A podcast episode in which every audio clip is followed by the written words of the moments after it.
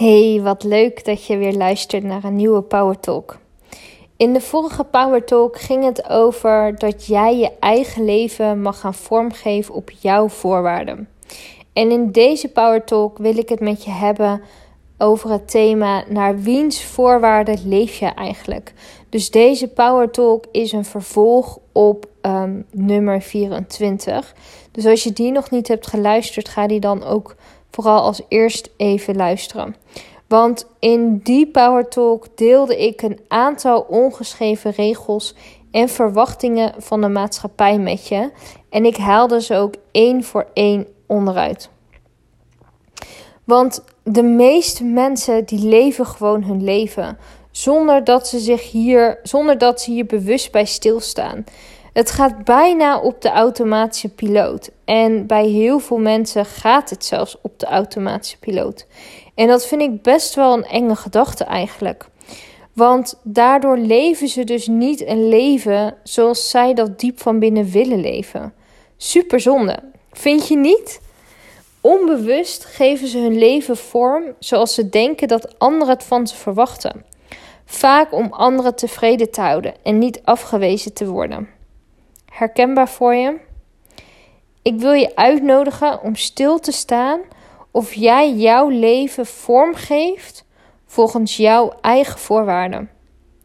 Leef jij echt het leven waar jij blij en gelukkig van wordt?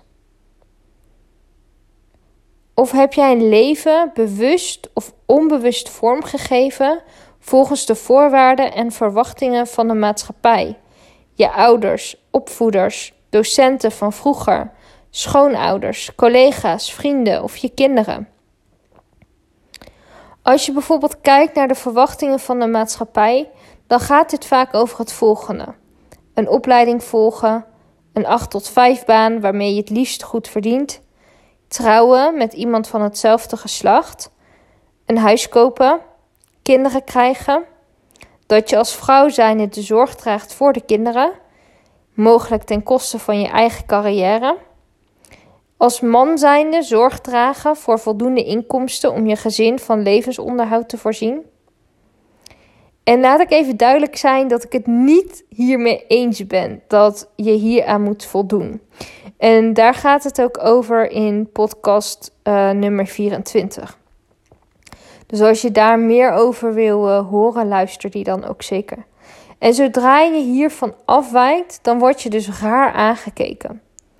Als je bijvoorbeeld kijkt naar de verwachtingen van schoonouders of ouders, dan gaat het vaak over het soort werk dat je doet, het hoeveel uur dat je werkt, de manier waarop jij je kinderen opvoedt, dat je in hetzelfde land blijft wonen als je ouders of schoonouders, zodat je bij ze in de buurt blijft, dat je je vooral voegt naar hun mening. Zijn één van deze punten herkenbaar voor jou?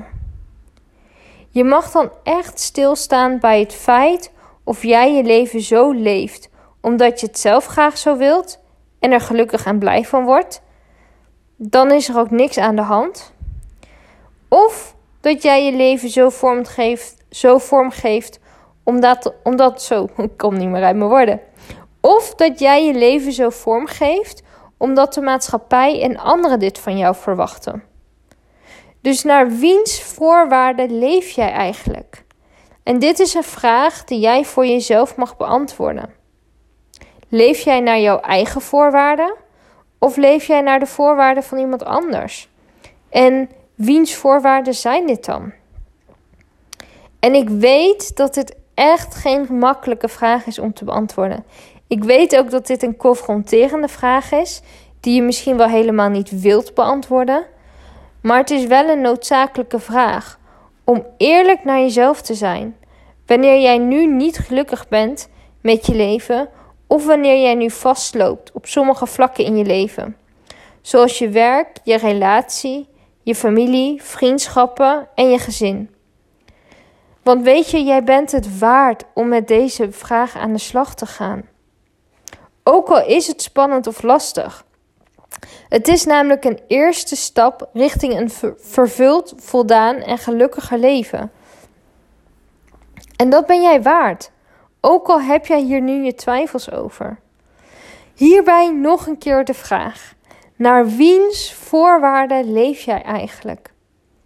Je mag het antwoord met me delen, dan help ik je even op weg. En dit doe je door mij een mailtje te sturen.